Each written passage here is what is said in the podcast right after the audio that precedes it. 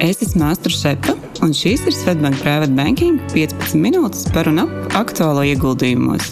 Katru piekdienu kopā ar kolēģiem un arī viesiem apspriedīsim karstākos jaunumus finanšu tirgos un labklājības veidošanas tēmās, lai aizraujoši klausīšanās.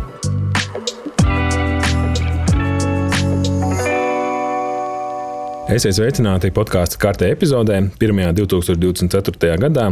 Šodien es, Mārtiņš Purgājs, esmu kopā ar privātbanķieru Danielu Stauro. Sveiks, Daniel! Sveiki! Un kā ierasts mēneša sākumā, mēs skatāmies uz iepriekšējo mēnešu notikumiem, kas tad noticis ar ekonomikā, finanšu tirgos. Un jāmin, ka decembra mēnesis ir bijis izcils gan akcijām, gan obligācijām. Te gan jāpiemina, ka nu, Santa Klausa rallies, kam daudz investori pievērš uzmanību, ir šajā gadā nedaudz neiepriecinājis mūs un pabeidzies negatīvi. Noteikti jāatgādina mūsu klausītājiem, kas ir Santa Klausa rallies. Tas ir SP 500 sniegums par septiņām dienām, kas ir piecas dienas pirms jaunā gada un divas pēc. Un kāpēc eh, investori pievēršās eh, šādiem rādītājiem? Jo izpētīts, ka vēsturiski jau no 1950. gada novērojami liecina, ka šajās septiņās dienās SP 500 indeks eh, uzrāda labāks rezultāts vidēji pieaugot pa 1,3%, un tas ir bijis nu, 78% no gadījumu. Tad šoreiz Santa Klausa rallija ir beidzies negatīvi, pavisam maz, 0,9% kritums. Nu, jāsaka, ka tas pamatā ir dēļ pirmajām divām dienām, kas ir 2024. gadā. Tas jau būs droši vien arī nākamajos podkāstos par jauno gadu, jauno gada rezultātiem, bet atgriežoties pie decembra rezultātiem, nu noteikti sāksim ar ASV. Jā, ASV gaidāmākais notikums decembrī bija FED pēdējā gada sēde, kuras rezultātā bāzes likmes palika tajā pašā līmenī, netika korģētas jo šobrīd uh, iepriekš piekoptās monetārās politikas mērķi ir gandrīz sasniegti. Inflācija novembrī ASV sasniedza 3,1%, bezdarba līmenis joprojām paliek rekordzems, un novembrī tas bija 3,7%. Savukārt ekonomiskās aktivitātes indeks PMI decembrī pieaudzis jau trešo mēnesi pēc kārtas. Un par driveri kalpoja tieši pakalpojumu sniedzēji, kas darba tirgu piedāvāja lielāko darba vietu skaitu par pēdējiem mēnešiem, un savukārt ražošanas joma joprojām ir mazāk aktīvāka, jo tur ir pieprasījums joprojām zems, un izēvielas cenas arī izēvielas cenas paliek arī pietiekoši augstā līmenī. Bet kopumā, ja mēs skatāmies uz makroekonomikas rezultātiem, tad tie ASV ir pozitīvi. Līdz ar to daudzi prognozē ASV soft landing, jeb uh, tādu maigo recesiju. Nebūs... Vai, vai arī nebūs vispār recesijas. Jā, tieši tā. Un, jā, arī Džerams Pauls iezīmē, ka bargās monetārās politikas laiks ir beidzies, un nākamajā gadā, tas jau ir šogad, jā, mēs varam sagaidīt uh, procentu likmju samazināšanu. Nu, šobrīd ir jautājums tikai, kad tas notiks un cik reizes. Analītiķi prognozē, ka tās varētu būt uh, trīs reizes šogad. Un, jā, pēc šiem Paula paziņojumiem Goldman Sachs korģē SP prognozes uz šo gadu, palielinot tās līdz 5100 punktiem. Šobrīd SP 500 ir 4716 punktu līmenī. Un decembrī mēnesī mēs gan arī sasniedzām atkal jaunākās SP 500 virsotnes. Nedaudz, nedaudz pietrūka. Nu, jācer, ka jaunais gads mums, mums tomēr šo jauno rekordu atnesīs. Nu jā, un tā kā prognozēja, ka ne tikai šogad būs tie vilcēji tehnoloģiju, no tehnoloģiju sektora, bet arī pārējie sektori pievilksies un līdz ar to sasniegs to mm, cerēto SP 500 līmeni. Bet kopumā decembrī SP 500 indeks uzkāpa par 4,5%.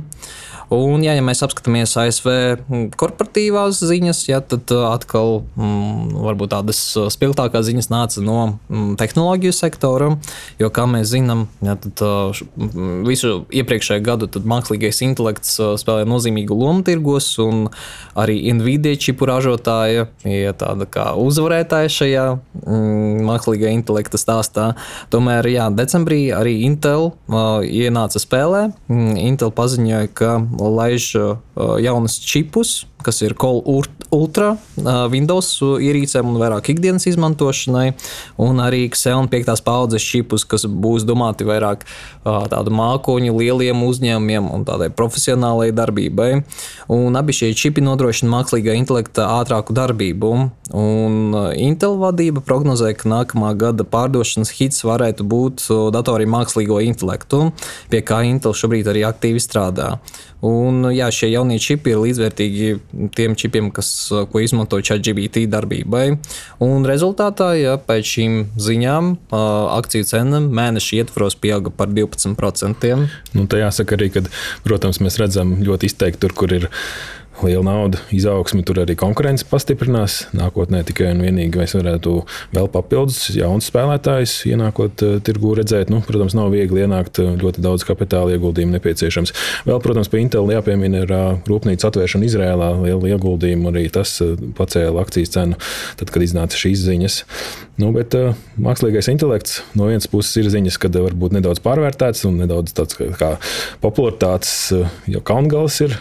Nu, pārējiem uzņēmumiem arī jebkurā gadījumā vēl joprojām labi, notiek, labi iet. Jā, piebilstot par Izraēlu, ja tad uh, Intels saņem no Izraēlas pabalstu 3,2 miljardu dolāru apmērā, un pats Intels investēs tur 25 miljardus rūpnīcu izveidē. Un, jā, arī vēl arī iepriecināja ar ziņām Alphabet uzņēmums, un uzņēmums izstrādā savu mākslīgā intelekta modeli Gemini, un viņš ir līdzvērtīgs OpenAI izstrādātajam ChatGPT, un rezultātā decembrī plus 8% pieaugums akcijām arī Alphabetam. Jā, turpinot pa Eiropu. Arī decembrī iznāca iepriecinoši inflācijas dati Eirozonā. Tad uh, gada inflācija 23. gada, kas bija novembra dati, tā sasniedz 2,4%. Atgādināšu, oktobrī tā bija 2,9%, bet vēl milzīgāks cipars, kas bija gada sākumā, gada iepriekš, tas bija 10,1%. Tā tendence ir ļoti pozitīva. Arī ECB mm, paziņoja un sagaida tās inflācijas samazinājumu 23. gadā, tad prognozes par 5,4% ir 24. gadā par 2,7 un 25. gadā vēl samazinājumu uz 2,1. Tomēr, neskatoties protams, uz šīm prognozēm, ECB bija nedaudz arī stingrāks savā, savā kā, retorikā par procentu likmēm, tad likmes tiek tur, tiks turētas šādā līmenī, tik, cik tas būs nepieciešams. Atgādināšu, tas būs 4%. Pēc šī paziņojuma, kas tad bija, tad Nu, daļai tas atcaucās arī uz eiro un ASV dolāru valūtas kursu. Eiro stiprinājās, gada beigās sasniedza 1,1 ASV dolāru par, par 1 eiro. Un kas notikās finanšu tirgos, Stock 600, kam mēs pievēršam uzmanību, nu, no gada sākuma tas ir palielinājis par 12,6%. Jāpiemina, ka salīdzinājumā ar iepriekšējo gada, 22. gada, kas bija, bija kritums nepilni 13%. Nu, de, decembra rezultātā tad Stock 600 indeks ir pieaudzis par nepilniem 4%. Pastoties, protams, arī Robūru Access Edge fondu, kas ir Eiropas, jā, tad pieaugums ir decembrī 4%, arī līdzvērtīgi tirgumi, pat nedaudz lielāks. No valstīm, kādas tad ir bijušas veiksmīgākie reģioni Eiropā, tad ļoti labus rezultātus decembrī uzrādīja Zviedrija, tad OMX Stokholmas 30 indeks ir pieaudzis par 10%, un otrs labākais rezultāts ir Polijas VIG indeksam, kas ir pieaudzis par 5,6%. Polija jāpiemina, ka ir nu, droši vien labākais reģions Eiropā. Eiro izteiksmē 23. gadā indeks ir pieaudzis par 47%.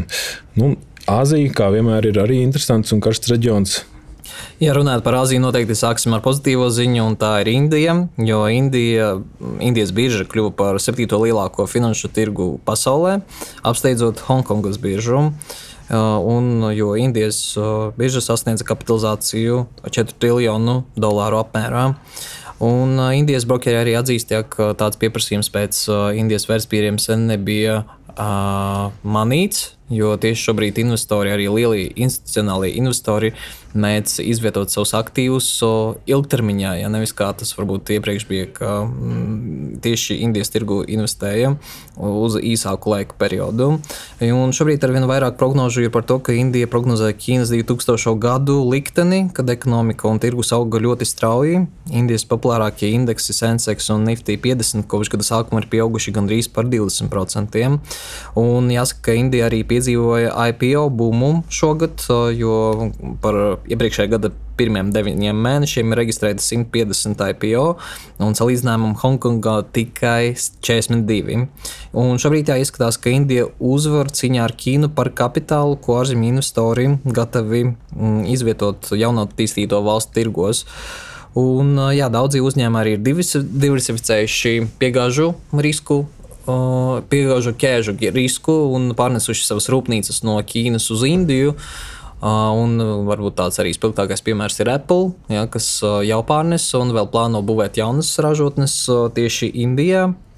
Un, tā arī vēl viens faktors, kas ietekmē pozitīvu tirgu, tas ir vēlēšanas Indijā.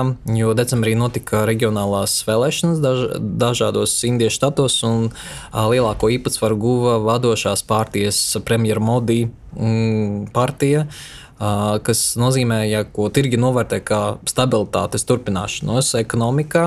Un šogad mēs sagaidīsim parlamenta vēlēšanas. Un, protams, ja arī vadošā partija uzvarēs, tad tas pozitīvi ietekmēs tirgu. Jāsaka arī, ka viens no lielākajiem un populārākajiem tas ir Adanī Holdings Indijā, kas arī ir cieši saistīts ar šī brīža vadoni, jo realizē lielākos valsts būvniecības projektus. Un gadu atpakaļ šīs holdings bija saistīts ar mm, skaļu skandālu, kura rezultātā grupas akcijas nokritās vairāk nekā 40%. Tomēr jā, šobrīd, decembrī, arī tikai mēneša ietvaros akcijas pacēlās par 18%. Un jāsekosim, kā beigsies tiesvedības process, kas beigsies pavisam drīz. Un, ja tas būs pozitīvs, jā, tad iespējams šī akciju augšupēji turpināsies, bet nu, mēs nevaram to zināt, līdz ar to sekosim līdzi. Jā, vienmēr jau, protams, tādos skandālos iesaistīts kompānijas svārstās ļoti izteikti. Redzēs, kā attīstīsies notikumi. Turpinot arī par tevis pieminēto Ķīnu. Nu, Ķīnijā gan turpinās nedēļas tādas pašas kā visu gadu garumā. Ja mēs skatāmies indeksu, tad Šanhai kompozīta indeks decembrī arī neuzrādīja pozitīvus rezultātus eiro izteiksmē - mīnus 2,8%. No gada sākuma eiro izteiksmē - mīnus 7%. Kāda notikuma bija varbūt eh, interesanti decembrī tieši Ķīnā? Uh, nu, ir uh, spēļu industrija, Piemēram, Tencents akcijas samazinājās par nu, gandrīz 10% vienā dienā, kad eh, Ķīnas varas iestādes ierosināja jaunus noteikumus, kuru mērķis ir ierobežot pārmērīgu tiešsaistes spēles un eh, tēriņus. Nākamajā dienā gan eh, nu, tas regulators nāca ar ziņu, kas nedaudz mīkstināja mm, to, to retoriku, un akcijas cenas atkal nedaudz atguvās.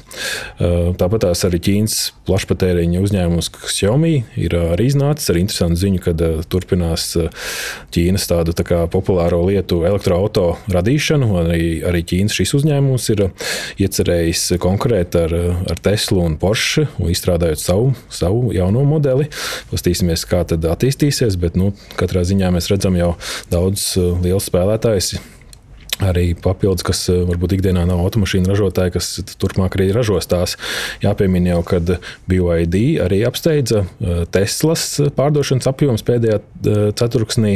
Tās arī bija ziņas no Ķīnas, un kas vēl ir, nu, ņemot vērā, ka Ķīnā ir nekustama īpašuma, tādas problemātika kopumā tāda ekonomika neattīstās un neatgūstās pēc Covid, tad ir, ir viena no lielākajiem nekustamā īpašuma attīstītājiem Country Garden, kas jau pirms kāda laika neizpildīja savas saistības ASV dolāros. Un tad viena no tādām varbūt pozitīvām ziņām, kas ir nākusi, kad šis uzņēmums varētu būt, kad spēs izpildīt savas saistības Ķīnas juāņās. Nu, tad akcijas cena nedaudz pieauga. Un eh, kas mums būtu par eh, izējuma materiālos noticis? Jā, gribētu arī turpināt par eh, zeltu.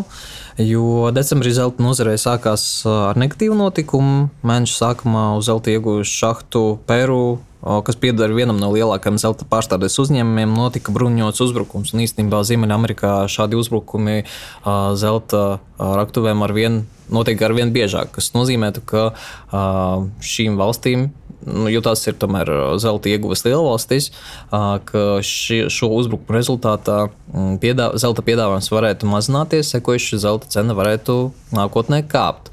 Un tā tas arī notika decembrī, bet īstenībā šeit bija cits uh, iegans tam, uh, jo zelta cena tiešām sasniedza rekordu. Uh, viena unce maksāja 2135 ASV dolārus. Un, uh, tas cēlonis bija tāds, ka tirgi jau sāk iecinot likmju, potenciālo likmju mazināšanu. Mazinot likmes, tādi aktīvi kā obligācijas kļūst mazāk pievilcīgāki, jo uh, to ienesīgums krīt un pieprasījums pēc zelta varētu mm, turpmāk arī pieaugt. Jāsaka, ka vēl ir viens cits faktors, jo tomēr šīs gads iezīmēsies ar to, ka pasaulē noritēs daudzas svarīgas politiskās vēlēšanas, gan ASV, gan Krievijā, gan Eiropā, un arī Taivānā. Un šobrīd visa uzmanība ir Ķīnas un Taivānas attiecībām, jā, jo, ja nu gadījumā Taivānā noritēs vēlēšanas, kas nebūs Ķīnai akceptējamas, ja, tad atkal varbūt varētu uh, uh, sākties jauns konflikts pasaulē. Jā, līdz ar to parasti tādos nemiera laikos daudz investori izvēlas zeltu kā tādu mm, drošāku aktīvu. Tā... Jā, tieši tā, un attiecīgi arī, ko gribēju pieminēt, bija dolāra vaināšanās arī zeltam. Tas duši nepalīdzēja. Ir ierasti tā korelācija ir otrāda. Uh, Bet paturpināt arī par vēl vienu tādu svarīgu aktīvu, kas ir nafta. Mm, decembrī svārstīgs periods bijis naftai. Naftas cenas diezgan uh, svārstījās ļoti izteikti. Pakāpās dēļ saspīlējuma kad uh, mēs sarkanajā jūrā redzējām, kad nemiernieki uzbruka šim mājas konteineru kuģim, kur ASV atkal atvairīja šo uzbrukumu un nogremdēja pāris tos uh, kuģus, kas bija Eh, kas bija nu, iesaistīti šajā konfliktā. Bet tas radīja bažas, ka nu, ne tikai Izraels un Hamas konflikts ir tas vienīgais reģionā, ka tas varētu izplatīties arī plašāk, un tāpēc naftas cenas arī pieauga. Nu, jo lielie naftas ražotāji atrodas šajā reģionā. Nu, savukārt, Bija daudz arī faktori, kas naftas cenai bija nu, nelabvēlīgi. Un viens no tiem ir tas pats nu, teiksim, tā, ekonomiskais, ka mēs redzam sabrenzēšanos, īpaši Ķīnā, kad pieprasījums varētu nebūt tik spēcīgs. Otrs faktors bija, kad OPEC neizdevās arī vienoties par ražošanas samazinājumu. Vēl OPEC, nu, viena no dalību valstīm, Angola izstājās, un Brenta naftas cena decembrī kritās par 7%, bet nu, gada sākumā ir nu, kritusi par 10%. Tas ir par naftas cenām, redzēsim jau vēl joprojām. Es domāju, ka ļoti izteikts svārstīgums šajā aktīvā, ko vēl varētu pieminēt Bitcoin. Bitcoin sasniedza šī gada, nu, vai precīzāk sakot, jau pagājušā gada, 23. gada virsotnes - 45,000 ASV dolāri. Mm, saistībā ar to, ka vēl joprojām e, ir gaidas par šo biržā tirgoto fonda ieviešanu. Nu, visi gaida, kādas būs ziņas no regulātora, vai tas tiks atļauts vai nē. Bet e, kopumā, manuprāt, decembris ir bijis e, ļoti veiksmīgs akcijām. Jācer, ka tas arī pāries uz janvāru un visiem pārējiem šī 2024. gada mēnešiem. Un teikšu tev, Daniela, šodien paldies un tiekamies nākamās epizodēs. Paldies! Atām. Audio saturā dzirdētā informācija nav uzskatāms par ieguldījumu konsultāciju vai ieteikumu slēgt finanšu tirgus darījumus vai ieguldīt finanšu instrumentos. Paldies, ka klausījāties! Lai izdevusies diena un uz tikšanos nākamajā sarunā!